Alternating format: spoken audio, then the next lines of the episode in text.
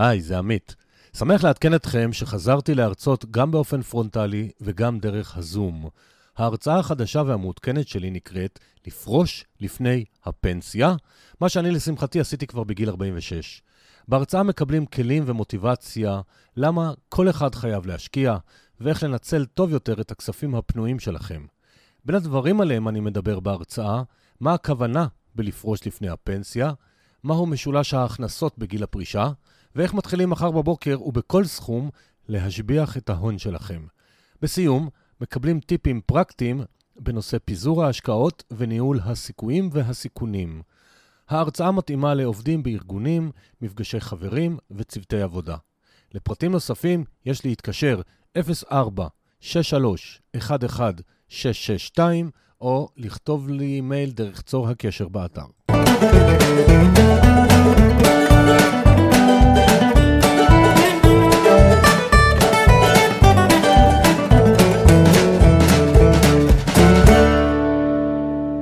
שלום לכולם, זה עמית.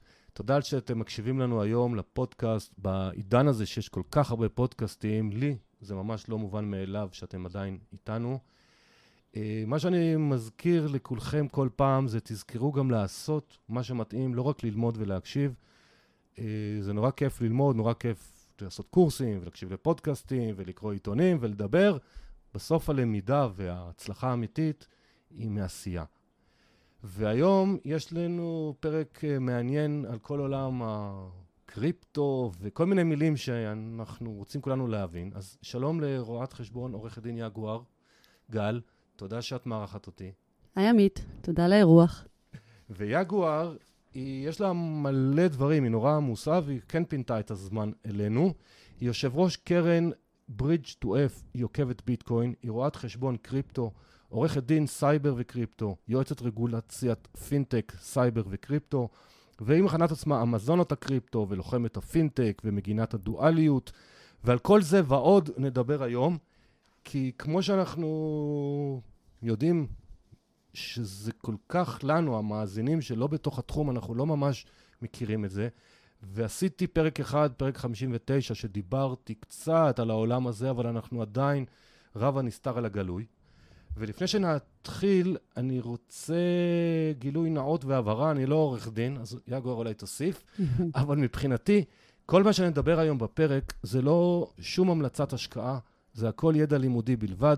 אה, אני אנסה לחקור ולשאול שאלות שמסקרנות אותי ובקבוצת פייסבוק שלי, שביקשתי להגיד איזה שאלות מעניינות אתכם, אבל זה לא המלצה לשום דבר. אז יגואר, אני רוצה שנתחיל, אני קורא לזה מהמקרו למיקרו. טוב. Uh, מי שלא מכיר עדיין, אז יגואר לא יודעת מה השאלות, הכל הפתעה, כמו כל פרק, ואני רוצה להתחיל במקרו. המקרו בשבילי, מה זה פינטק? מדברים המון על המושג הזה, פינטק. מה זה פינטק? אה, מצוין, זו שאלה מצוינת. אתה יודע מה אומרים על שאלה מצוינת? כזאת שיש לי שקף עליה, או, או תשובה עליה.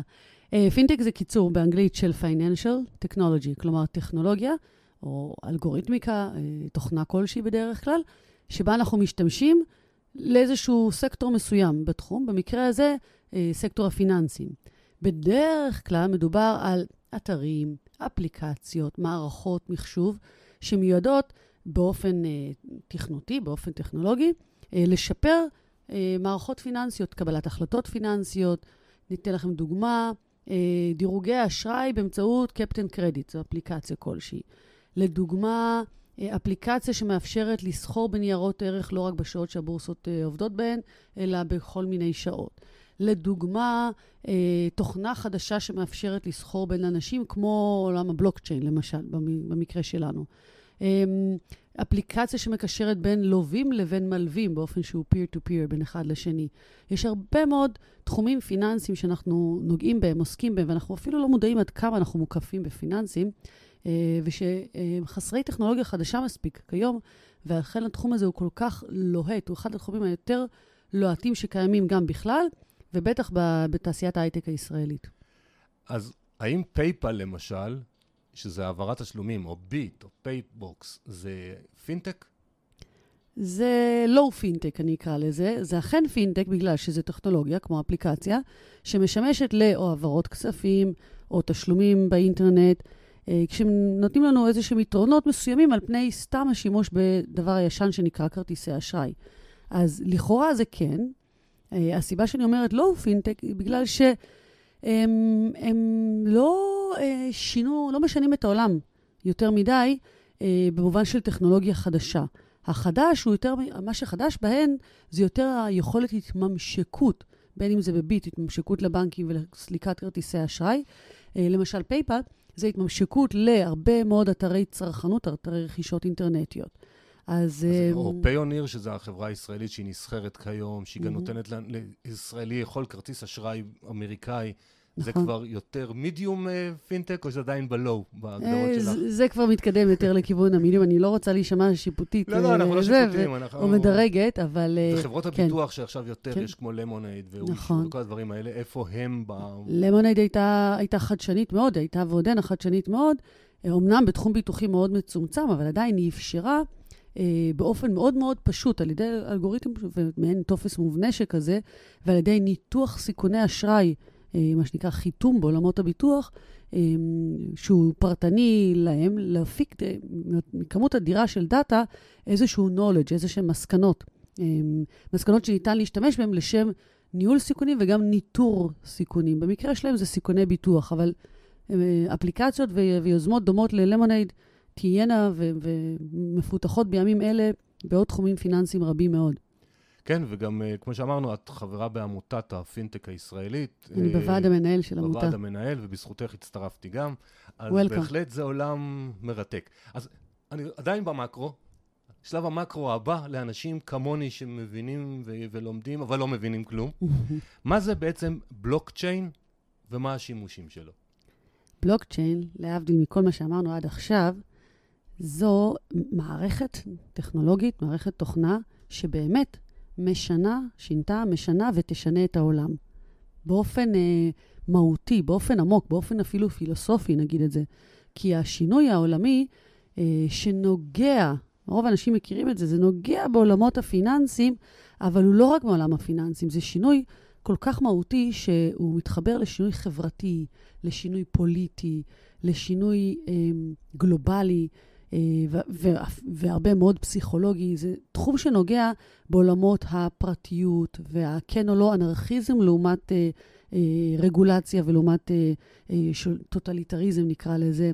זה יכולת, זה מדבר על, על תחומים של צנזורה או לא. זה יכולת העברת כספים. את אומרת לי באיזה תחומים זה כן. נוגע, אבל... אני, אני, אני קודם לא כל. מדברת על, ה, על, ה, על הקונספט של זה. Okay. אוקיי. ספציפית, הטכנולוגיה הזאת בעצם מקימה מערך מידע ענק, מאוד מאוד מאוד מבוזר. מבוזר הכוונה היא שמערך המידע הזה, או מאגר המידע הזה, הוא לא בשליטתו של אף שליט יחיד, אף חברה יחידה, אף אדם יחיד, אלא כל מי שנכנס אליו, מדובר בקוד פתוח, מהווה חלק מהאנשים שמחזיקים את מאגר המידע הזה. אה, וזה אחד הדברים היפהפיים שבו, גם תרבותית, פילוסופית ו- וככלל.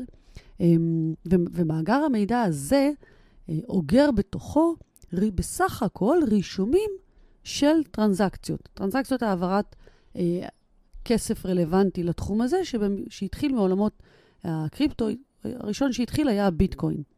אמ, הביטקוין הוא מעין, אה, מעין מטבע, כן, נקרא לזה ככה, אבל הבלוקצ'יין רושם את העסקאות. ואי אפשר לזלזל ביכולת רישום עסקאות, כי אפשר להגיד, טוב, זה בסך הכל רישום עסקאות, מה כל כך חשוב בזה? כי הוא הרושם את העסקאות, הוא הקובע את כל הכלכלה. אה, זה לא הוא או היא או הם, זה בעצם כולנו, כל מי שנכנס לעולם הזה. ואני אשמח להרחיב דרך אה, המטבע הביטקוין, כשנגיע כן, לזה, בדיוק, אני אשמח להרחיב למה ה database שאוגר את המידע לגביו הוא כל כך קריטי. אז עוד שאלת מקרו אחת, ואז נתחיל לצלול. כן. השאלת מקרו האחרונה היא, מה זה מטבעות קריפטוגרפיים? אוקיי. כי, כי יש לנו בלוקצ'... בלוקצ'יין, פינטק והקריפטוגרפים, ואם נבין את שלושת המקרואים האלה, נוכל להתחיל לרדת. אוקיי, אני אתחיל בלהסביר על המטבע המבוזר, אני קוראת להם מטבעות מבוזרים, לא הקריפטוגרפי, כי קריפטוגרפים הכוונה היא מוצפנים. Okay. אוקיי. והרבה מאוד תקשורת בימינו היא מוצפנת. הם מוצפנים טוב יותר ונפלא ונהדר, אבל זה לא הפואנטה המרכזית, זה רק האמצעי, זה לא המטרה. אז אני אדבר על ביטקוין, למה הוא קיים ומה משמעותו okay. אוקיי. וקיומו, ואז אני אדבר על כל ה-9,000 האחרים.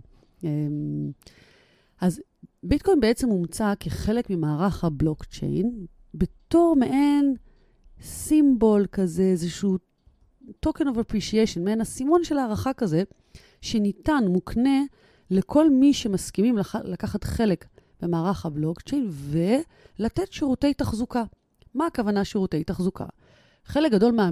או קריטי מהאמינות של מערכת היא לוודא שמאחר ומדובר בקבצים, אז שלא קורה מצב שבו בן אדם אחד מעביר איזושהי טרנזקציה, כאילו כספים למישהו, נקרא לו א', ובאותה מידה עושה copy-paste ומעביר את אותו סכום שיש לו, את אותו סכום פעמיים, לאדם ב', או אפילו לא רק פעמיים, או 17 פעמים לצורך העניין. אז אנחנו חייבים גורמים, אנשים, מחשבים, שייתנו שירותי תחזוקה לנכונות ואמיתות המערכת, בין השאר כדי לבדוק, אחד, שטרנזקציה עברה כמו שצריך, כלומר, סכום הכסף המועבר ירד ממי ששילם ונכנס למי שקיבל אותו, ושעשה את זה רק פעם אחת, ואי אפשר היה לעשות את זה הרבה מאוד פעמים, כי כאמור, מדובר בקבצים, זה לא שטרות שהם פיזיים. כדי שלאנשים יהיה אינטרס לתחזק ולתת שירותי אשרור לעסקאות במערכת, הומצא מעין מטבע, אני אומרת בכוונה מעין מטבע, הוא מעין סוג של אסימון, או מעין תגמול כזה, שקראו, שהוא קובץ בעצם, או רשומה נקרא לה, ולה קוראים ביטקוין. הדרך היחידה לקבל ביטקוין על ידי, בו, בו, על ידי יצירה של ביטקוינים חדשים, היא על ידי פעולת אשרור עסקאות. מאחר והיא פעולת אשרור עסקאות נותנת ביטקוינס חדשים, אנחנו נוהגים לקרוא לזה פעולה של קריאה. קריאת ביטקוין. זה כף רש יוד ה'. נכון, חלק אפילו עם שני יודים, אבל okay. אוקיי. זה עניין לאקדמיה. ושירותי הקריאה נעשים על ידי מתן שירותי אישור לעסקאות ברשת, מה שאומר שלכולנו יש בעצם אינטרס מאוד מאוד גדול שכל העסקאות ברשת יהיו אמינות ויהיו מאומתות, וש... כי אחרת אין משמעות לרשת שאוגרת אה, מאגר מידע אדיר של עסקאות, אם חלקם הן כפולות, משולשות או פי 17, אין שום משמעות ואמינות גם לכמות הכסף, כי אם הוא יכול להיות מוכפל, אז אה, אין לנו היצע מוגבל שלו. עכשיו, המערך הביטקוין נקבע מראש כדי שלאנשים יהיה אינטרס לתת שירותי אשרור ותחזוקה לרשת ולקבל ביטקוינס, זה הומצא באופן מכוון מראש, באופן מתוכנת כך שכלל כמות הביטקוינים בעולם, אי פעם על ידי קריאתם, תהיה מוגבלת. יש מספר סופי של 21 מיליון בערך אה, ביטקוינס, שיכולים אי פעם להיות מיוצרים. היום אנחנו בסוף אפריל 21, יש בערך 18 וחצי מיליון? כן, כמעט 19 מיליון. אוקיי. אמ, והם ייגמרו להיכרות, להיכרות, אה, לקראת שנת 2141, אנחנו מצפים שזה יקרה, כי יש קצב קריאה מסוים שניתן אה, לכרות. יותר מזה, המערכת בנויה כך שהתגמול לנותני שירותי אשרורי העסקאות, אותם הקוראים בקיצור, התגמול להם אה, בערך כל ארבע שנים יורד במחצית. אה, וזה יוצר לנו מעין סדרה הנדסית מתכנסת, כזאת שהיא שואפת לאפס, וכמות הביטקוינים הקרואים שתהיה בערך אפס, הכמות הזאת תגיע לידי קריאה שתבוצע בערך עוד 100 אה, ומשהו שנים. ואז ייגמרו כל הביטקוינים שניתן לכרות. הם לא ייגמרו בכללי, ניתן יהיה לסחור בהם. אז בואי בוא נרגע נשאל, האם זה מה שמייצ... יש תנודתיות מאוד גדולה במחיר, והרבה אנשים שואלים את עצמם, רגע, מצד אחד יש כאלה שאומרים זה יגיע ל-100 אלף דולר ביטקוין אחד, 2 מיליון דולר, מיליון, כל אחד זורק מספר, ויש כאלה שאומרים, לא, זה לא שווה שום דבר. האם זה שזה כמות סופית, זה לדעתך, או מידיעה, זה מה שמייצר גם uh, עודף ביקוש על היצע, כי פשוט יודעים שזה יהיה מספר סופי? ואז זה מלאכותי מבחינתי, אם כן. הבה נתחיל מהבסיס. בכלכלה, בשנה א' כלכלה אנחנו לומדים שאנחנו עובדים וחיים, ובני אדם, הפסיכולוגיה שלהם עובדת על כלכלת מחסור. מה שאומר שמוצר שהוא נדיר, אה, יהיה לו ערך יותר מאשר מוצר שהוא מאוד מאוד נפוץ. לכן יש ערך מאוד נמוך לגרגירי חול. לא שאין להם ערך בלבנות איתם בתים וכולי, להשתמש בהם לבנייה, או לצרוף אותם לכדי זכוכית או משהו כזה, אבל יש הרבה מאוד חול. ולכן הערך של קילו חול הוא מאוד מאוד נמוך, כי יש הרבה ממנו. ולהבדיל, מזהב יש יחסית מעט, או מנפט לצורך הדוגמה, מסחורות ככלל. וככל שמוצר יותר נדיר, פלוס, ככל שיותר מבקשים אותו, ככל שמוצר נדיר, אבל הוא לא מעניין אף אחד, אבל גם נדיר, וגם הרבה מאוד אנשים רוצים להשתמש בו, זה מייצר את הערך שלו.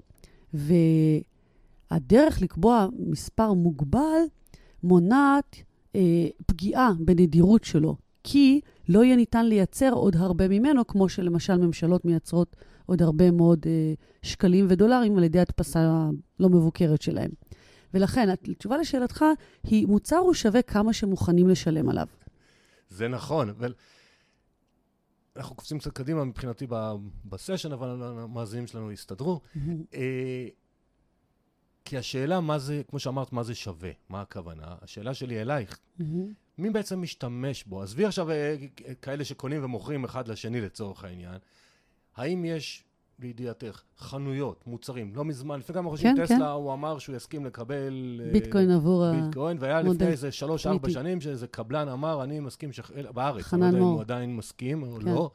Uh, אבל בתכלס, איך, האם יש היום uh, מוצרים בעולם uh, או בארץ שאפשר ממש להשתמש בביטקוין?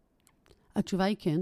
בין השאר, אני, משרד עורכי הדין שלי וגם uh, משרד רואי החשבון שלי, ומשרד הייעוץ הרגולטורי שלי והקרן השקעות שלי, אנחנו מקבלים uh, ביטקוין כשכר טרחה, כשכר עבודה. כמובן, משלמים על זה מיסים רבים מאוד, בפיאט, בכסף ישן, עם חשבונית וכולי. אז התשובה היא קודם כל כן, אבל אני אסביר לפני כן, שאנחנו צריכים לקבל החלטה או, או להסתכל על המצב בשוק, על איך אנחנו רואים את ביטקוין. האם אנחנו רואים בו כמו מטילי זהב, כלומר כמו נכס, או כמו מניות, או נכס פיננסי, כמו נגזרות של uh, מניות וכולי. זו שאלה שעוד מעט רציתי לשאול אותך כן, מבחינת כן. המיסויית. רגע, כאילו. לפני המיסוי, בואו נסתכל על המהות. אם הוא נכס פיננסי, אז אף אחד לא ישאל, תגידי, האם היית יכולה עם מניה של IBM לקנות במכולת? כי התשובה היא לא, אי אפשר לקנות עם מניה של אינטל, לצורך הדוגמה, במכולת. אבל זה לא עושה אותה פחות שווה. אמ, ולכן, לעניין השימושיות, היא פחות השאלה אה, הרלוונטית לשווי, אלא יותר רלוונטית לשאלה האם זה גם מטבע. אה, ביטקוין עדיין איננו מטבע, מהסיבה הפשוטה שרשויות החוק בעולם מגדירות מטבע בתור הילך חוקי, שמחויבים לקבל אותו, אה, על ידי, שהוכר ככזה על ידי מדינה ריבונית. ואין אף מדינה ריבונית שהחליטה שהביטקוין יהיה המטבע שלה, או שהיא תהיה, תעלה ותרד לפי אה, השינויים בערך הביטקוין עצמו. כי הרי כל הרעיון בביטקוין זה שהוא שייך להמונים. אין אף אחד ששולט עליו, לא, אף אחד לא יכול להשפיע על מחירו, בגדול. אה, משקיעים רציניים אולי, או יותר כבדים אולי יכולים להשפיע, או צייצנים, אה, טוויטרי, טוויטריסטים רציניים יכולים... או סתם מי שקונה במיליארד וחצי. למשל, כן. אז יכולים להשפיע, אבל עדיין, הם עדיין לא מספיק משמעותיים לטווח הארוך. ולכן, כתשובה לשאלתך, הדרך לקדם את ביסוסו של, למשל, ביטקוין, לא רק כנכס פיננסי, אלא גם כמטבע, היא על ידי מכירת ואספקת מוצרים ריאליים אמיתיים ושירותים ריאליים בתמורתו. למשל, המשרד שלי, משרדים שלי, משרד עורכי דין, משרד רואי חשבון והקרן שלי, אמ, אנחנו עושים זאת, כי זו תרומתנו הקטנה לקידום מעמדו של ביטקוין גם כמטבע ולא רק כנכס פיננסי. אז זו דרך לבסס את מעמדו כמטבע עובר לסוחר. עסקת ה... העסקה הראשונה שאי פעם נעשתה בתמורה למוצר ריאלי אה, בעבור ביטקוין הייתה רק כולה ב-2010, לפני עשר ואפילו לא וחצי שנים. אמ, וצריך לזכור שמדובר במטבע או נכס שהוא תינוק, הוא ממש צעיר ביותר. אה, ואז נמכרו אה, שתי פיצות משפחתיות בתמורה לעשרת אלפים ביטקוין. נקווה בשביל המוכר שהוא שמר אותם. הוא לא כל כך. חבל, כן, כן, אבל תשמע, הוא מאושר. הוא לקח חלק בשינוי התעשייה ובשינוי העולם הזה, וזה לא, גם הרבה. אבל נצא גם מרמת האנקדוטה, אז האם יש הרבה חנויות בעולם שמקבלות, או שזה בעצם עדיין כמו, כמו שאת אומרת, כמו זהב אה, ולא כמטבע, ולא מצפים בעצם קהילת הביטקוין שהוא יהפוך להיות עובר לסוחר, אלא יותר ככלי השקעה? אה, קהילת הביטקוין מורכבת מעצם טבעה מרבגוניות נהדרת ומקסימה ומדהימה. כלומר, זה יכול להיות ילד בן שבע מדרום זימבבואה שאין לו בנק בכפר, אבל טלפון סלולרי ווי-פיי יהיה לו, והוא יכול לעשות, הוא או אבא או אימא שלו יכולים לעשות micro payments ו micro transactions על ידי למכור סלסלות קש בתמורה לשניים ורבע סנט, מה שאף בנק לא ייתן להם שירות, והיא יכולה להיות מקסימליסטים, כלומר, אנשים שמאמינים בביטקוין ואין בלתו ואף אחד לא מהמטבעות האחרים, ומאמינים שזה צריך לשלוט בעולם ולהיות מטבע יחיד, ומשתמשים אך ורק בזה. יש אפילו סרטים דוקומנטריים על מישהי לפני דווקא יחסית הרבה שנים, שאמרה, אני אנסה לח... לחצות את כל העולם, לעבור את כל העולם, או מישהו זה היה, בשימוש בביטקוין בלבד, בלי שימוש במטבע אה, ישן, אנחנו קוראים למטבע הישן הזה פיאט, מטבעות ישנים, דולרים, אה, יורואים, שקלים וכאלה. אה, אז ישנם הרבה מאוד בעולם, וגם לא מעט בארץ, מקומות שמוכנים לקבל ביטקוין בתור תגמול. ויש הרבה מאוד מקומות שמוכנים לקבל אותו בתור תגמול, ולו בזכות העובדה שיש ספקי שירותי תשלום, payment solution companies, שנותנים להם שירותי המרה מיידיים.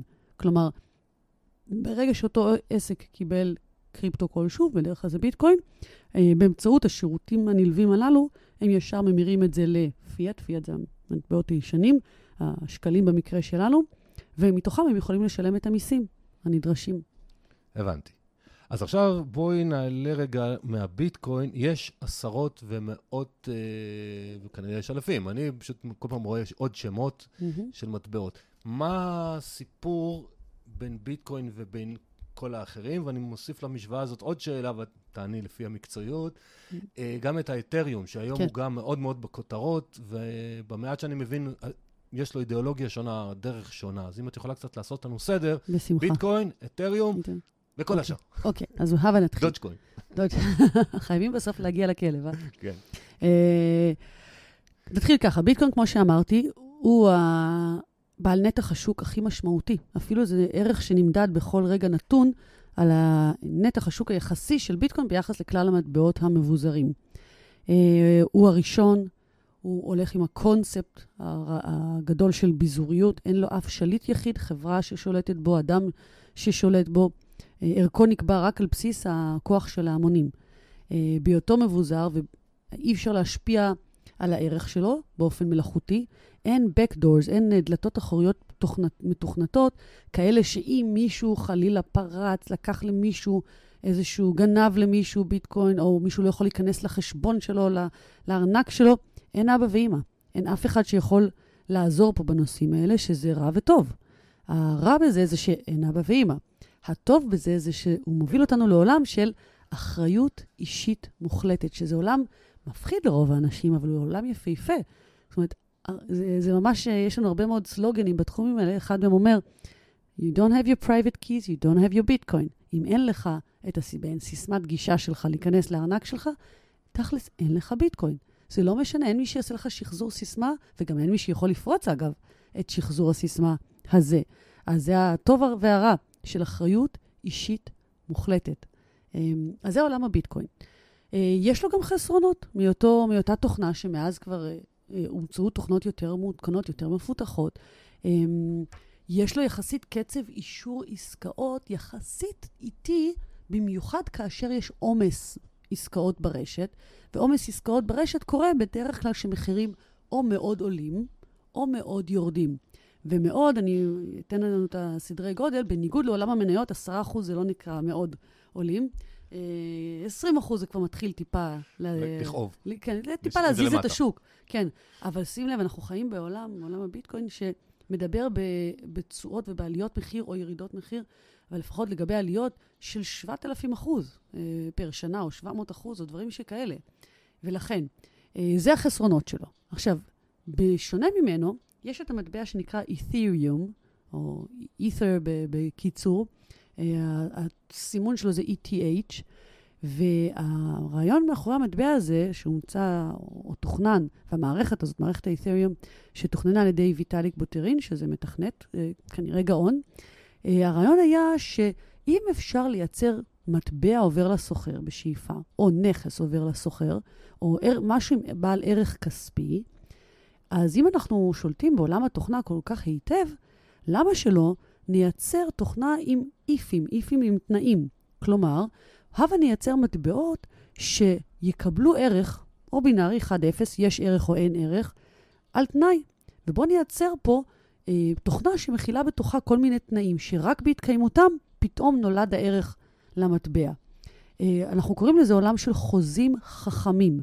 מה חוזים זה ברור, כלומר, אם מתקיים איזשהו אה, קריטריון א', אז המטבע מקבל את ערכו 1, לצורך הדוגמה. לא מתקיים קריטריון א', ערכו של המטבע נשאר איידל, נשאר 0.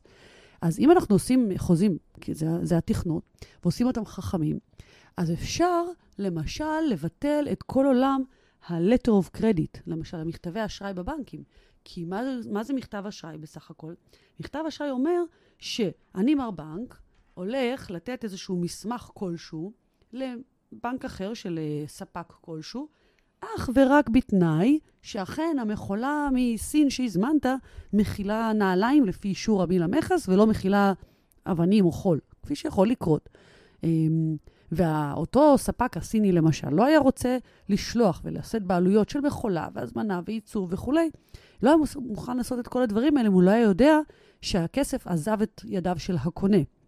והקונה מצד שני לא היה מסכים שהכסף יעזוב את ידיו עד שהוא לא יודע שהוא באמת יקבל נעליים, אם, אם זו הדוגמה שלנו. והבנקים פה משמשים מעין מתווכים באמצע, והם מחזיקים מכתבי אשראי שהם בעצם כסף על תנאי. זה כסף שהתנאי לגביו, או מימוש התנאי, הוא לא בשיקול דעתו של הבנק. ומרגע שיש אישור שהתקיים התנאי, בום, הנייר אשראי הזה, מכתב אשראי, הופך להיות משווה אפס לשווה גודל התמורה בעסקה.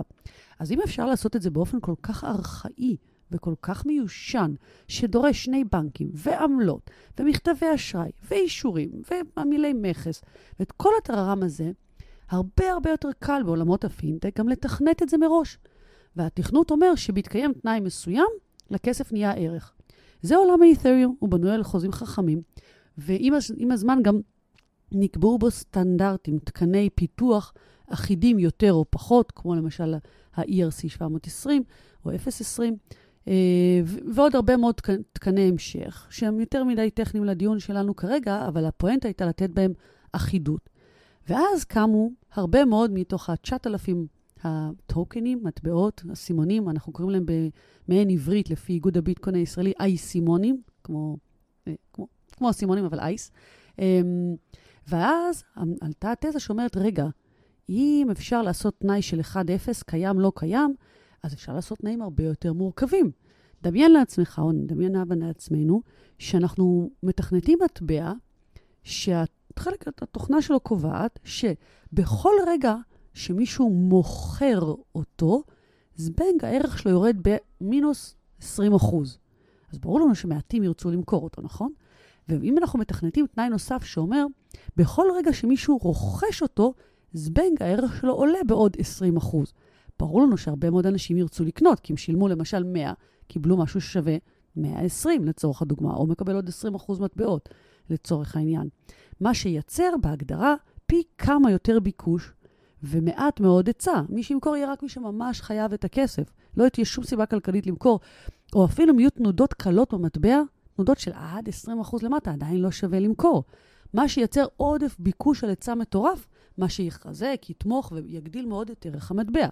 זה קצת, אה, אה, לא מזויף הייתי אומרת, אבל זה קצת אה, tricky לעשות שערך המטבע או כמות המטבעות תהיה תלויה בקנייה ומכירה שלהם. אבל כמו תנאים כאלה, אפשר לעשות הרבה מאוד תנאים על המטבעות, על הכמות שלהם, על הכן או לא אינפלציה בהם. אז זה בעצם ה-9,000 מטבעות שיש, אז. כל אחד מהם יש לו איזושהי הגדרת uh, what if כזו או אחרת? או הגדרה, או תנאי, או כאלה שהחליטו למשל שיהיה להם הפוך מהגדרות. למשל, הם אומרים, הערך של המטבע, הערך הכוונה שאם תבוא לפדות אותו אצלנו בחזרה, יהיה מגובה, יהיה נעוץ ב, אנחנו קוראים לזה פגד, אמ, מגובה למשל לערך הדולר האמריקאי. ישנם מטבעות שהם בעצם עוקבים אחר מחיר הדולר, מהסיבה הפשוטה שהחברה מתחייבת שאם תרצה לפדות את המטבע הזה בתמורה לדולרים, על כל אחד מטבע תקבל למשל 1 דולר. או אגב, ויש הרבה היגיון בזה, לומר, כל פעם שתרצה לפדות את המטבע, תקבל 0.98 דולרים. שאז אתה אמור לשאול, אז למה שווה לי בכלל משהו שהוא פחות מהדולר ששילמתי עליו? והתשובה היא שטרנזקציות בינלאומיות, ענקיות, פרטיות, שלא בשליטת אף אחד, אה, ושל, ושמונעות גם למשל אינפלציה, הדפסה של הכסף הזה, אותם אתה יכול הרבה יותר בקלות לעשות על, על גבי הטוקנים האלה, ולא על גבי הדולר עצמו. טוב, זה נשמע לי גם... לכן הוא שווה יותר. כן, אבל זה נשמע לי גם אחלה דרך לעשות הלבנת הון למי שנורא רוצה, כי אז המערכת הפיקוחית, הרגולטורית כזו או אחרת לא תדע, אבל לא ניכנס לפינות אפלות. אני רק אוכל להגיד ש... אה, לאבן יש ערך בין אם אתה משתמש בלבנות בניין ובין אם אתה משתמש בה חס וחלילה לרוצץ את ראשו של אה, אדם. העורכת דין שבא מתעוררה. כלומר, לא, הבה לא נאשים את הסכין. אה, לא, או מאה את. האבן, לא, בכך לא, שיש אנשים רעים שמשתמשים בה לרעה. אני מסכים איתך, אבל אני רוצה רגע לחזור לאתריום, כי בביטקוין הדגשת שאין שליט יחיד, נכון. ושהוא מבוזר, וכוח ההמונים. האם אני צריך להבין שזה בניגוד לאתריום? כי כן, זה לא. כשהסברת לנו, אני מנסה להבין עדיין ב-? במקרו, מה, הדלתא? מה ההבדל שלו, ולמה הוא פתאום צמח לו ולא אף אחד אחר מה-9,000 האחרים. היו הרבה אחרים שעפו ב-14,400 אחוז, לדוגמה. אבל הוא קיבל את נתח השוק הכי כביר, אם אנחנו? מדברים על זה. למה? אמ, מקרי או שיש איזשהו סיבה לא- בהגדרה, בהגדרה, עצם העובדה שישנה חברה מאחורי האת'ריום, זה אומר שיש מישהו שתכנת, אות- מישהו אחד או חברה אחת מסוימת שתכנתה אותה, ואולי החברה הזאת יכולה, כן או לא, לעשות ריברס לעסקאות, כלומר, אמנם להציל אנשים שנגנב להם כספים, שנגנבו להם כספים, שזה יפה, אבל מצד שני, איפה פה השליטה היחידה של, ה, של האדם הפרטי והיחיד? זה אומר שהחברה הזאת יכולה להשפיע משמעותית על מחיר המטבע, או להציע תכנות אחר, נוסף, עודף מעליה, שאולי לא יהיה על דעת כולם. את עולם הביטקוין אי אפשר לשנות אלא בהסכמה של uh, הרבה הרבה מעל 90 ומשהו אחוז uh, מהמשתתפים, מה שאומר שכנראה לעולם לא נגיע לזה. אז עכשיו אני בטוח שכל מאזין שואל את עצמו, כמו שאני שואל את עצמי את השאלה, אז איך אנחנו יודעים מי זה הביטקוין האתריום הבא? כי אם יש 9,000 או 8,000 או 7,000, יש איזשהו מנגנון שאפשר לנחש ולשער, או שזה... קודם כל, עצם מקרי. המילה ניחוש היא פעולה לא, לא לוגית. Okay, נכון, אבל אני שואל. לנתח וללמוד, הדרך, אנחנו, העולם הזה קורה, קורה בק' וא', קורה למטבעות חדשים שהולכים לצאת, לאייסימונים חדשים, אה, הוא בדרך כלל קורא להם פרויקטים, כי מדובר בפרויקטי פיתוח תוכנה, שבה צוות יזמים, מפתחים, מציע רעיון חדש, פרויקט חדש. הרבה מאוד, הרבה מאוד פעמים הוא גם מבקש אה, עזרה בפיתוח או תרומה פיתוחית ל- לרעיון הזה. בין אם זה מטבעות שיקשרו בין דייטים של אנשים, ובין אם זה מטבעות שיחברו בין הבנקים לבין עצמם, למשל להחליף את, ה, את המערכת הבין-בנקאית אה, שקיימת, ובין אם זה מטבעות שישמשו לעקוב אחר אה, משלוחים, chain of supply למיניהם. יש כל מיני פרויקטים עם כל מיני רעיונות, המון, המון, רבים ביותר. והפרויקטים האלה עולים לרשת, לאינטרנט, ובהרבה מאוד אתרים. וכל אחד מאיתנו יכול לקרוא את הרעיון, לקרוא בכף ו- וק' ו- וא', כן, כן? קריאה גמרנו אותה. בדיוק, בדיוק. יכול לקרוא. לגבי הרעיון, להחליט אם הוא מאמין בזה או שלא, לתמוך ברעיון על ידי לתת למפתחים או לחברה או מאמצי פיתוח, או ממש מטבעות, או מטבעות הישנים האלה של פעם, הדולרים והשקלים, שנקראים פיאט, או לתת כתרומה לפרויקט או כתמיכה בפרויקט, לתת אית'ריום, או לתת ביטקוין. אה, ובתמורה להם לקבל את אותם האייסימונים, אותם טוקנים של הפרויקט. היה והטוקנים האלה והפרויקט לא יגיע לכדי שום דבר, אז הוא נתן את אית'ריומיו ואת ביטקויניו, ותמך בתעשייה, לא, יפה, ואיבד אותם. היה והם שווים משהו, עשוי לעשות הרבה מאוד תועלת כספית. אז יש איזשהו אתר אה, אחד שמרכז את כל החדשים, או שפשוט צריך להיות איכשהו להכיר את כל האתרים שמדברים על העולם הזה ולחפש מי שזה מעניין אותו? יש לראות. הרבה מאוד אתרים שמנסים להיות, או רוצים להיות מעין פורטל ידע, או, או, או לתת אתרי תוכן. ישנם אתרי תוכן בתחום הזה.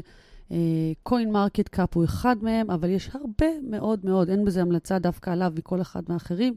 אמ, יש בינלאומיים באנגלית ויש גם בארץ הרבה. אמ, ממש שווה ללמוד על הנושא הזה, גוגל פשוט יריץ הרבה מאוד אפשרויות. יפה, מגניב.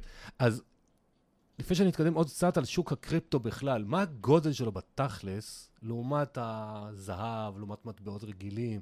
זה, זה טריליונים לעומת מיליון, מאות אוקיי. טריליונים, זה... ה market cap, גודל השוק אה, של עולם הביטקוין למשל, כי עולם הקריפטו הוא הרבה יותר גדול מעולם הביטקוין והוא בכל שנייה משתנה למעלה ולמטה. אבל עולם הביטקוין עבר לאחרונה את שווי השוק הכללי של מעל שני טריליון דולר, שזה נתון עם ובלי משמעות. כי מצד אחד, מה אכפת לנו כמה טריליוני דולרים זה שווה, אם הדולר הוא דבר שמודפס על ימין ועל שמאל בטירוף, גם אם זה היה אחרי 2008, אחרי המשבר, וגם אם כיום, אחרי משבר הקורונה. הרי אין שום משמעות לדולר, אולי כדאי לנו למדוד את עצמנו לא ביחס לדולר, אלא ביחס למשהו אחר, למשל ביטקוין או כל דבר אחר.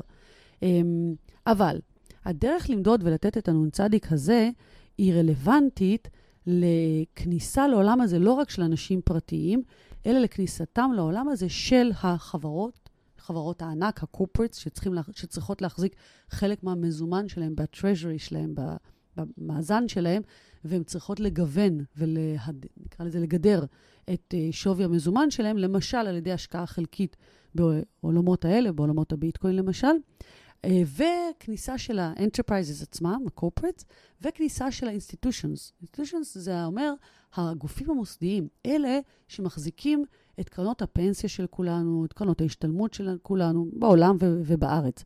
ומרגע שה-institutions נכנסים לשם, והם נכנסים רק כשנכס כלשהו, פיננסי, מתחיל להיות משמעותי מספיק.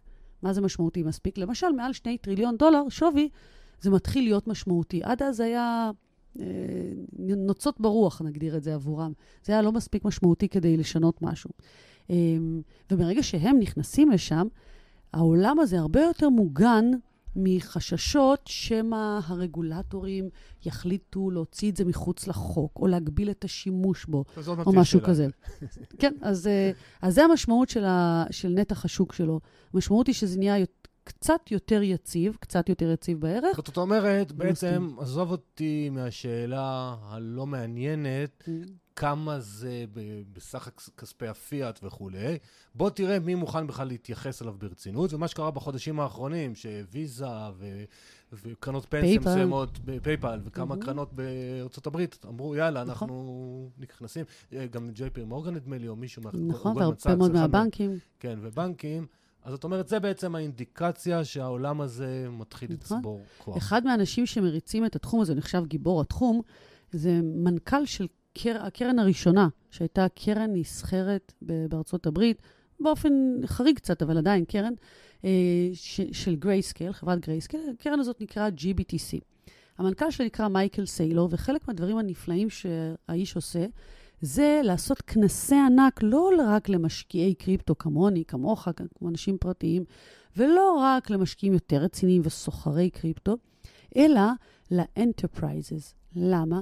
כי הוא פונה לכל סמנכלי הכספים, סמנכלי הציות והיועצים המשפטיים והיושבי ראש והבעלים והמנכ"לים של ה enterprises, ואומר להם, בדיוק את הטענה הבאה. אתם ממילא מחזיקים בסעיף מזומן, במאזן שלכם, סכום מסוים. אנחנו לא יודעים לאן המזומן הזה הולך ללכת.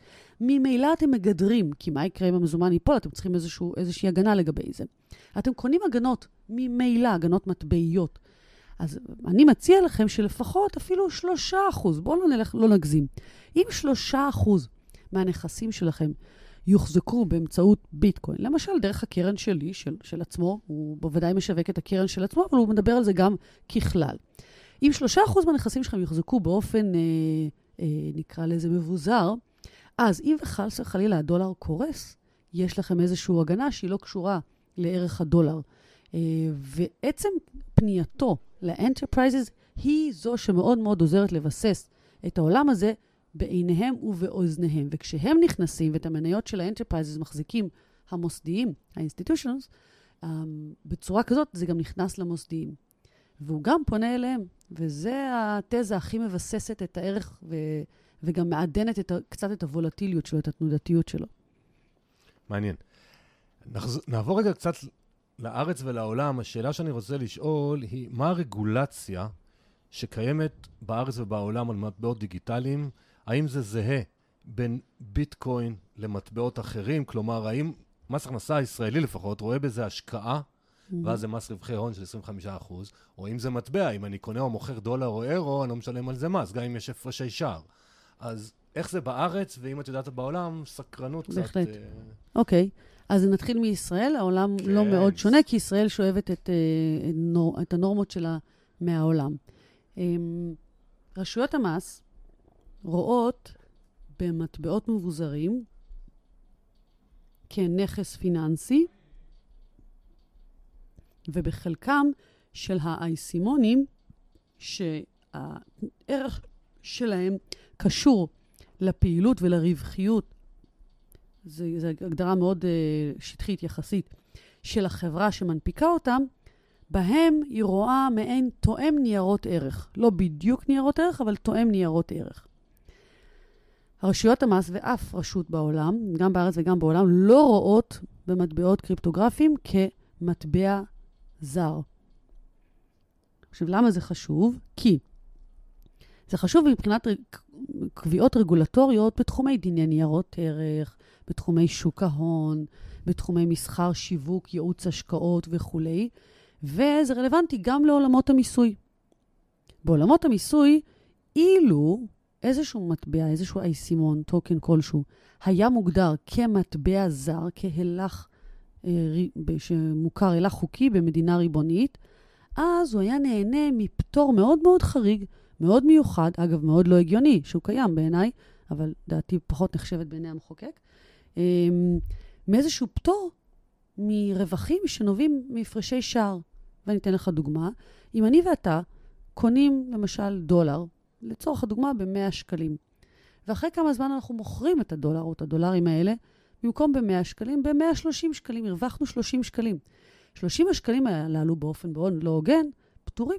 לא רק ממס כן, רווחי הון, ממס רגיל, ממס הכנסה, מכל מס שהוא. איפה שער, לא מחויבים נכון, במיסוי. נכון. מה שאומר שיש אנשים שיכולים לקנות, לצורך הדוגמה, מיליון דולר, וכשערך הדולר עולה ב-30%, לעשות מאות אלפי דולרים של רווחים ולא לשלם על זה שקל אחד של מיסים. לעומת זאת, אם אתה ואני היינו קונים מניה כלשהי, שהייתה עולה באותה, באותה מידה, על הרווח במימוש המניה הזאת, היינו בהחלט משלמים מס רווחי הון. מס רווחי הון, דרך אגב, הוא לא בהכרח רק 25 אחוז. אם אנחנו עוברים סכום מסוים של רווחים בשנה, והכנסות בשנה, אנחנו משלמים עוד 3 אחוז של מס יסף. זה משהו סתם. הוא קיים כי, הוא, כי אפשר, וזהו. אז יכול להגיע עד כדי 28 אחוז.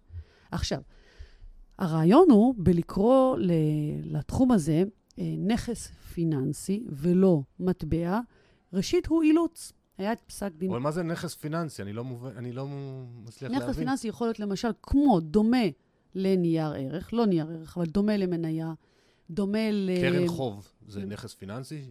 אם אתה קונה את הקרן חוב ואחר כך מוכר אותה כמו אג"ח, למשל... כן, יש, יש ו... חברות הרי שמגייסות כן. משקיעים לקרנות חוב. מחויבות ב-15% קונה... אחוז לא, כיום. לא, אתה מש... בעצם קונה יחידת השתתפות בקרן, ואותה okay. אוקיי. אתה מוכר אחר כך, ב... ואם יש רווח, אתה חייב בדיווח על הרווח, ומנקים לך מס על זה. לא, לא על זה התכוונתי. לא יחידת השתתפות, יש, כמו הזכרת, פיר טו פיר, כמו הלוואות mm-hmm. כאלה, יש קרנות הרי שהן כן. מגייסות משקיעים ומלוות את זה ליזמים, ואחרי זה מקבלים את הריבית חזרה נכון. עם הקרן. שזה מחויב כיום ב- בישראל 15% מס, כן. זה נכס פיננסי? אם לא, אז מה זה נכס כן, כן. פיננסי כן. בהגדרת אתה, הרשויות? בעצם כשאנחנו נכנסים לאותן היזמויות הללו, אנחנו בעצם נכנסים לתוך מנגנון של שותפות. ומה שאנחנו קונים זה יחידת השתתפות בשותפות הזאת okay. אוקיי. בקרן. Okay. אוקיי. ולכן, אם מוכרים אותה ברווח, אז ישנו מס רווחי הון, לפעמים מס יותר נמוך בתחומי החוב של 15%, לרוב, אגב, זה 25%. נכון. ופשוט אז לכן נשאל מה זה נכס פיננסי בהגדרת הרשויות, אמרת למטבעות מבוזרים, הם רואים כן. את זה כנכס אז פיננסי. אז נכס פיננסי הוא כמו נייר ערך, 아, אה, כמו, כמו, כמו קרנות אה, השקעה למיניהן. אכן. טוב, אז עכשיו עולה, ש... שאלו אותי בקבוצה, יש לי את הקבוצת uh, כסף והשקעות, גם יש לי קבוצת פייסבוק, ושאלו שם, שאני, ביקשו שאני אשאל אותך, האם ניתן לקזז הפסדים? זאת אומרת, אם אני מרוויח בבלוקצ'יין ויש לי הפסדים לצורך העניין כמו ש... כן. שוק ההון בניירות ערך, האם השלטונות מאשרים קיזוז? כן, בהחלט, רק לפי כללי קיזוז זה הפסדים. ברור. Uh, מאחר ומדובר ב... רווח הוני, אם יש רווח, או הפסד הוני, אם יש הפסד, אז זה לא ממש משנה אם ההפסד או רווח ההון הוא בתחום המטבעות המבוזרים, או בתחום ניירות ערך, או בכל תחום הוני אחר.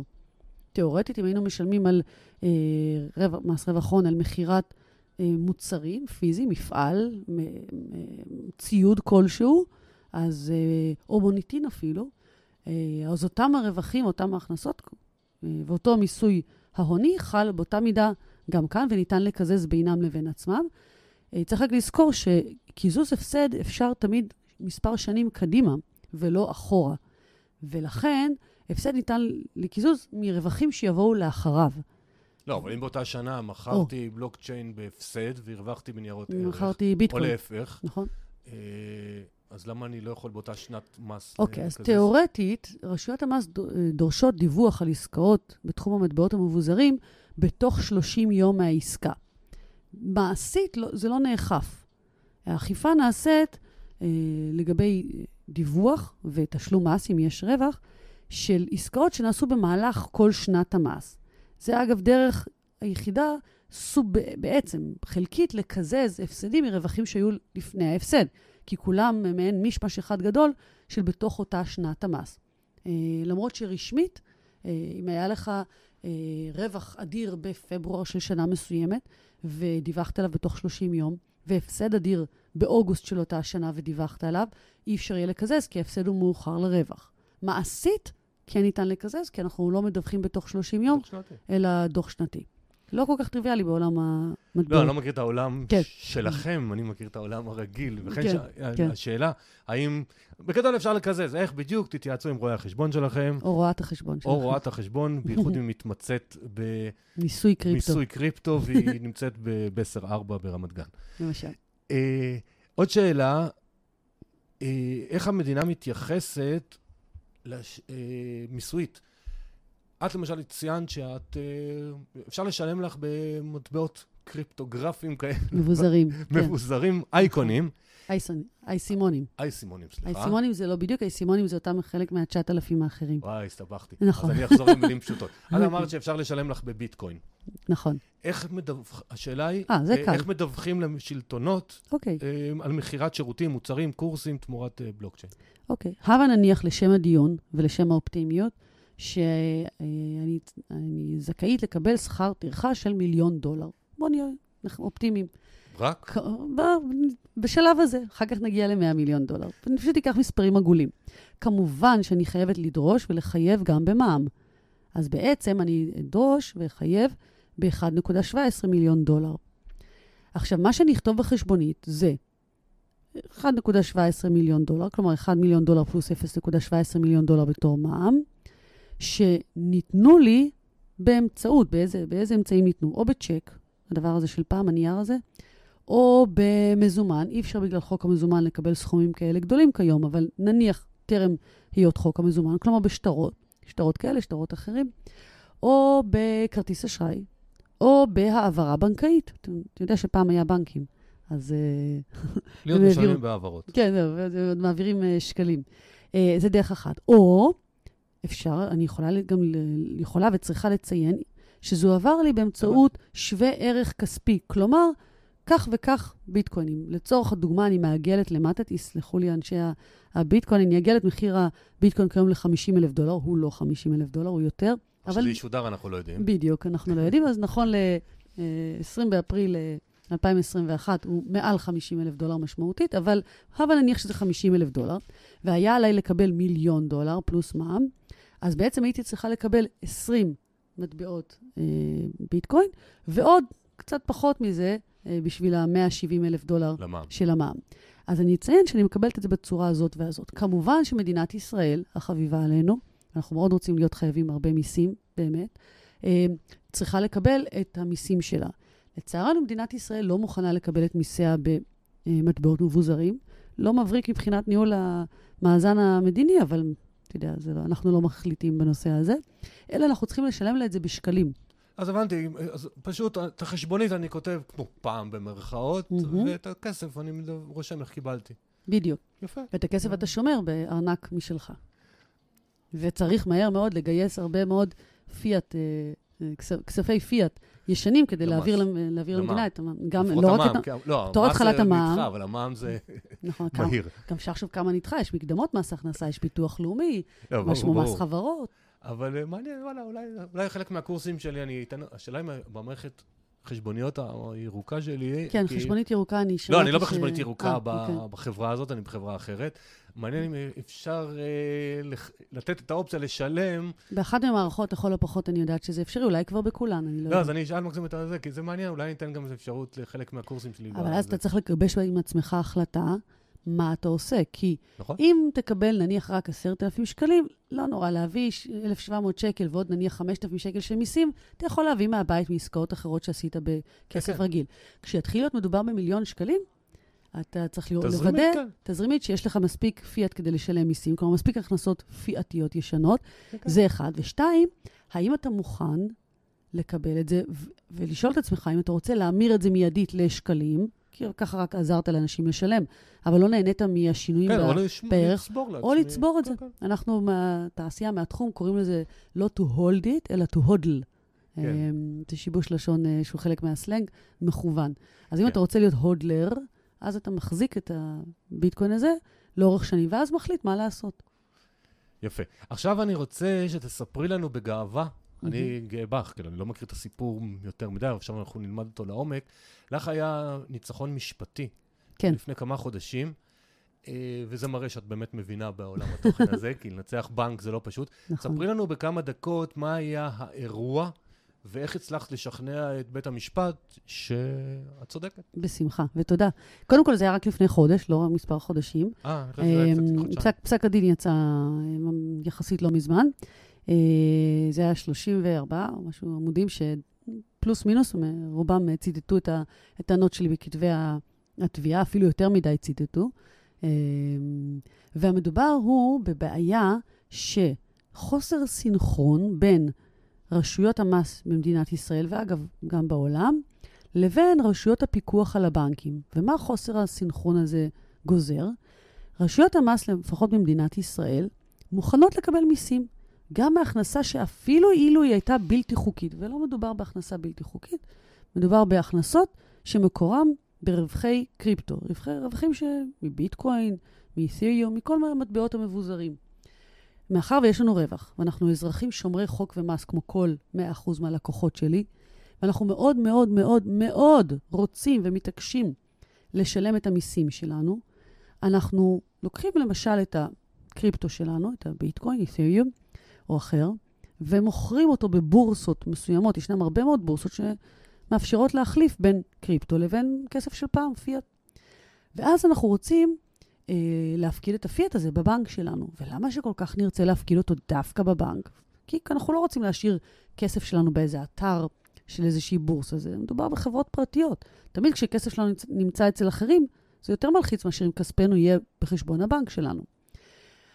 הבנקים בישראל לא מסכימים לקבל, רשמית לפחות, לא מסכימים לקבל פיאט מאני, כלומר כסף שקלי דולרי, עם מקורו ברווחי קריפטו. למה? ככה. יש להם הרבה סיבות, אבל המדיניות היא שוללת קטגורית קבלת כספים רק בגלל שמקורם בקריפטו.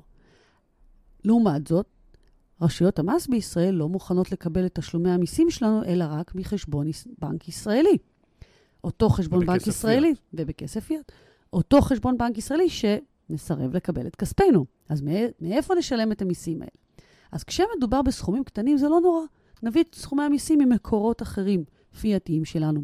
אבל כשמדובר בליבת העסק שלנו, אם כל הביזנס שלנו הוא למשל ביטקוינלי, או כשמדובר ברווחים גדולים שאנחנו מאוד רוצים לשלם מיסים עליהם, דמיין לעצמך 40 מיליון שקל אה, רווח, מתוכם מגיע יותר מאשר 10 מיליון שקלים, כי יש גם מס יסף. 10 מיליון שקלים אה, מיסוי, כס- כספי מיסים שאנחנו מאוד רוצים לשלם למדינת ישראל. אם אין לנו את האפשרות להפקיד את אותם 40 מיליון שקלים בבנק שלנו, או חלק מהם, מאיפה שנביא 10 מיליון שקלים? לרוב האנשים אין בכיס האחורי עוד 10 מיליון שקלים פנויים. או, אגב, באותה מידה גם לא 2 מיליון שקלים אה, שפנויים, אם היה רווח של רק 8 מיליון שקלים. ולכן, הדיסוננס הזה, החוסר סינכרון הזה בין רשויות המס לבין הבנקים, אה, אומר או אה, להכריח את רשויות המס לקבל כספי מיסוי ישירות מהבורסות או מבנקים שהם מסכימים, שהם קריפטו-friendly, שידידותיים לעולמות הקריפטו, או להכריח את הבנקים לקבל את כספנו. אני חשבתי שהנכון ביותר היה להכריח את הבנקים לקבל את כספנו, כי פה מדובר על זכות הקניין שלנו, בכספנו שלנו בעצמנו. טענת הבנקים הייתה שבגלל שעולם הבלוקצ'יין הוא מאוד אנונימי, והוא לא מתנהל בין אנשים לאנשים בהכרח, אלא מה שאנחנו רואים במערכת המאוד פומבית, זה עסקאות בין כתובות לכתובות. יש כתובות אלקטרוניות, אה, מעין, כתוב, מעין כתובות ארנק, לבין כתובות אחרות. אז אין לנו שום דרך לדעת ממי, אני למשל קניתי את ביטקויניי, כי אולי קניתי אותם ממישהו שהשיג אותם תוך כדי עבירה, סחיטה, כופר איומים, סחר בסמים, סחר בחלילה ילדים, נשים, סחר בנשק, או ממדינות אמברגו שיש עליהם חרם. אנחנו לא יכולים לדעת אם זה מדובר בכמו יהלומי דמים או קריפטואי דמים, לצורך הדוגמה. את לא יכולה לדעת עם מי קנית, ולכשתמכרי אותם, אנחנו לא יכולים לדעת שלא מכרת את ביטקוינייך או את קריפטואייך לאנשים מפוקפקים שכאלה. ולכן יש לנו חששות מקנסות אדירים מאת הרשויות הבינלאומיות למניעת הלבנת הון, קוראים להם הפתקה, אה, ובגלל הפחד מהקנסות הללו, אז במקום לבדוק לגופו של עניין, או לבקש ממני מסמכים שאולי אני מראה שאני יודעת ממי קניתי ולמי מכרתי, או במקום רק לדרוש שאני אקנה את אה, קריפטואי ואמכור אותם רק בבורסות מסוימות אשר מזהות כל לקוח ולקוח, עושות תהליך זיהוי לקוח, שנקרא KYC. במקום זאת, הבנקים פשוט אומרים, לא, לא רוצים את כספיכם פה. עכשיו, זה לא בשם באמת הם לא רוצים את כספנו. לא, הם, הם מאוד רוצים. מה, הם מפחדים מהקנס. בדיוק. כמו שאמר לי קצין הציות של אחד הבנקים, אחד מחמשת הבנקים הגדולים ביותר בעולם, בהרבה מאוד ויכוחים מתלהמים בינינו, הוא אמר לי, אני מעדיף להפסיד לך, ללקוח שלך, אפילו שישה מיליון שקלים, ושיהיה לך שכר טרחה של 20 מיליוני שקלים, זה ממש לא משנה. זה אגב לא, זה לא שכר הטרחה שלי, אבל הלוואי. אבל uh, הוא אומר, אני מעדיף, יהיה לי יותר זול להפסיד לך במשפט, לשלם לך, או ללקוח שלך, החזר שכר הטרחה שגבית ממנו.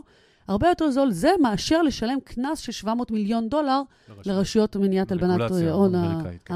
הבינלאומיות, בעיקר האמריקאיות, אבל הבינלאומיות. בעצם הם רוצים להפסיד לנו בבתי משפט. הם רוצים וצריכים להפסיד לנו, כי אז הם יקבלו את כספי משקיעי הקריפטו בבנקים, אבל הם יוכלו להראות לרשויות הבינלאומיות שנאלצנו, הכריחו אותנו בדיוק, היה פסק דין, לא הייתה ברירה, נאלצנו לקבל את הכספים. אבל נאלצנו, לפחות נלחמנו עד זוב דם. רגע, אז עכשיו, האם בעקבות, בזכות הפסיקה, כן. שאת, אה, אם אני זוכר טוב, זה הבנק איגוד, שנאלץ אה, לקבל את כספי לקוחותייך. לא, זה היה בנק מרקנטיל? מרקנטיל. כן. סליחה.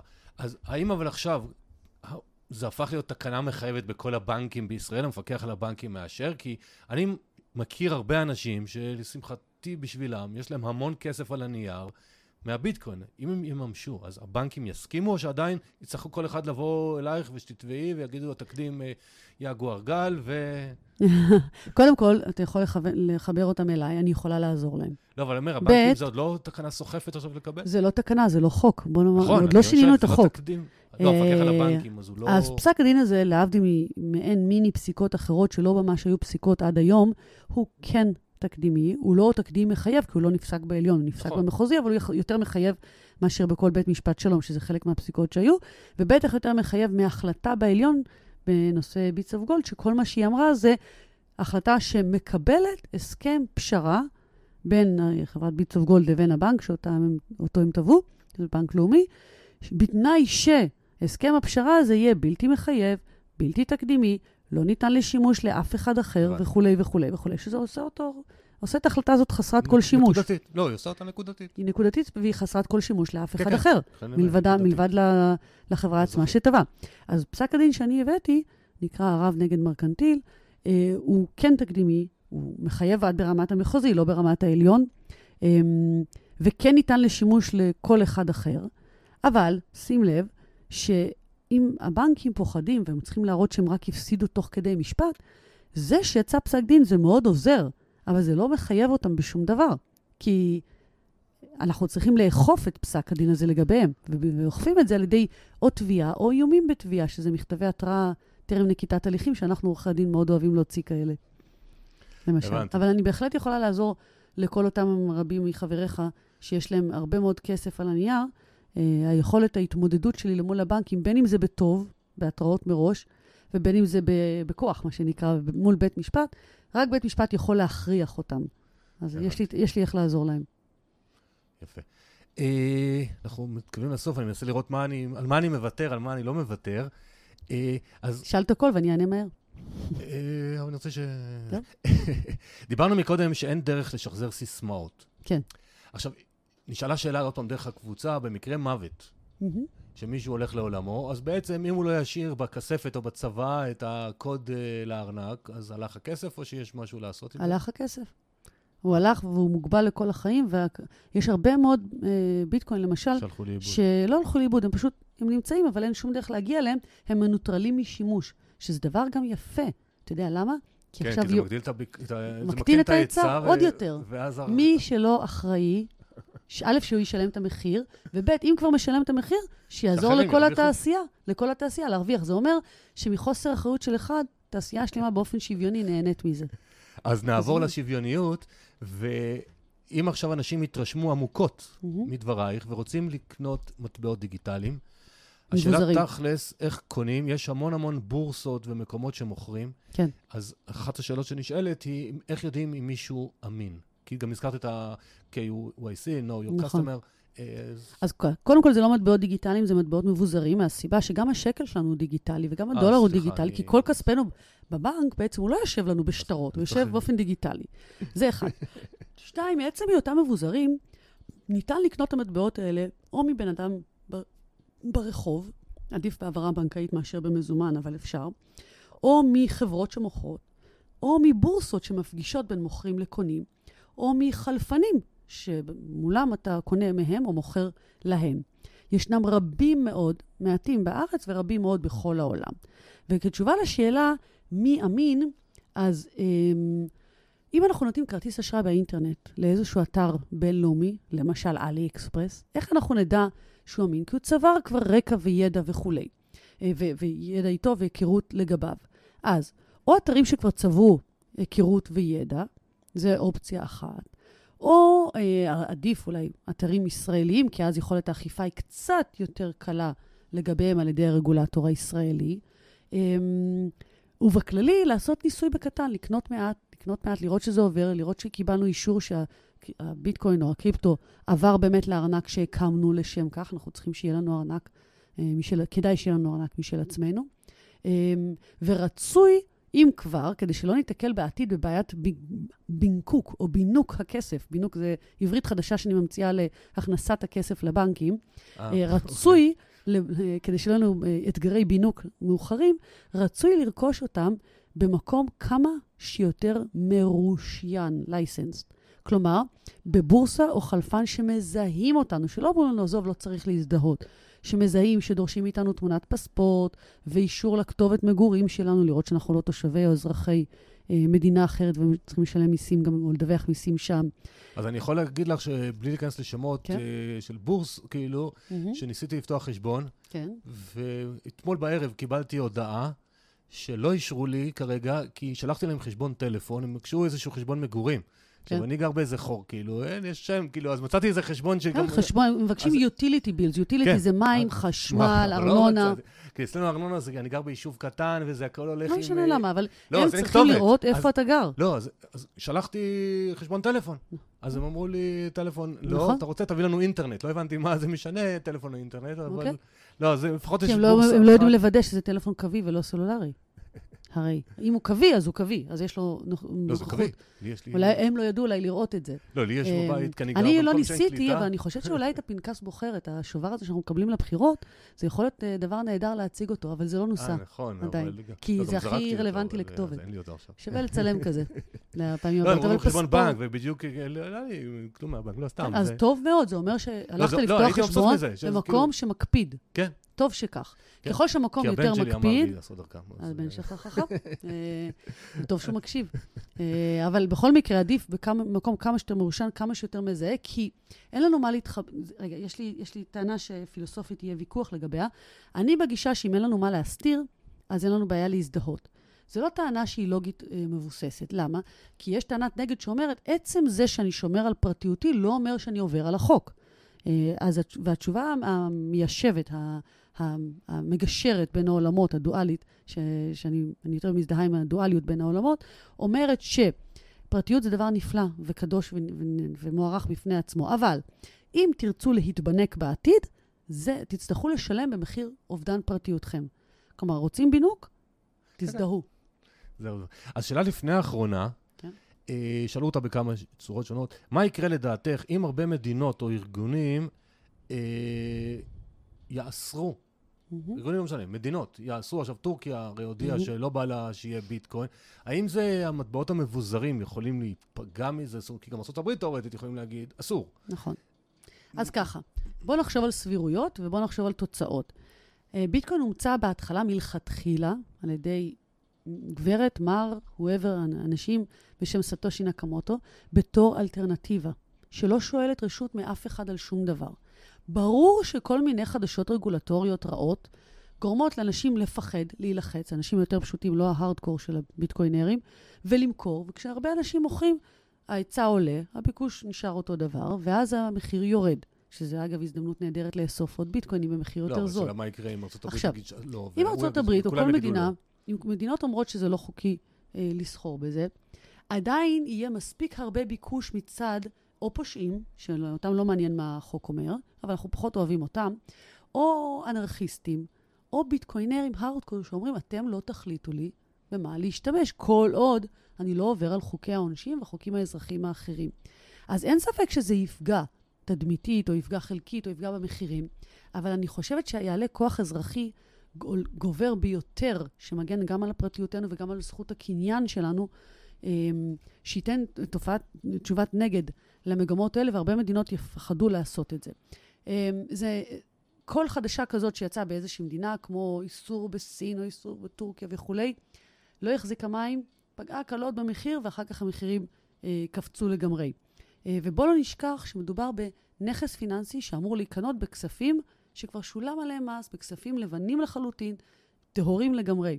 אמ, ולכן הסבירות גם לאסור את זה, ברגע שהצלחנו להכניס לעולם הזה את ה-enterprises, את חברות הענק, את ה-corporates, את החברות שאנחנו, קרנות הפנסיה שלנו מושקעות במניות שלהן, ואת ה-institutions, כלומר את קרנות הפנסיה והביט... וחברות הביטוח, ואת הבנקים הענקיים בעצמם, אז רוב הממשלות מאוד יחששו אה, לתת הכרזות שכאלה שיפילו את ערך המטבעות הללו, כי זה גם יפיל את קרנות הפנסיה של העולם.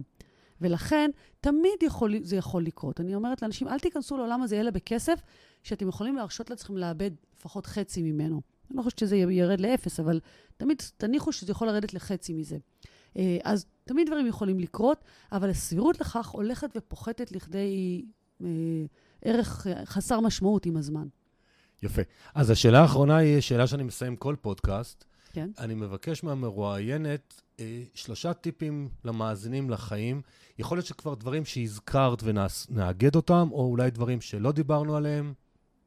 שלושה דברים.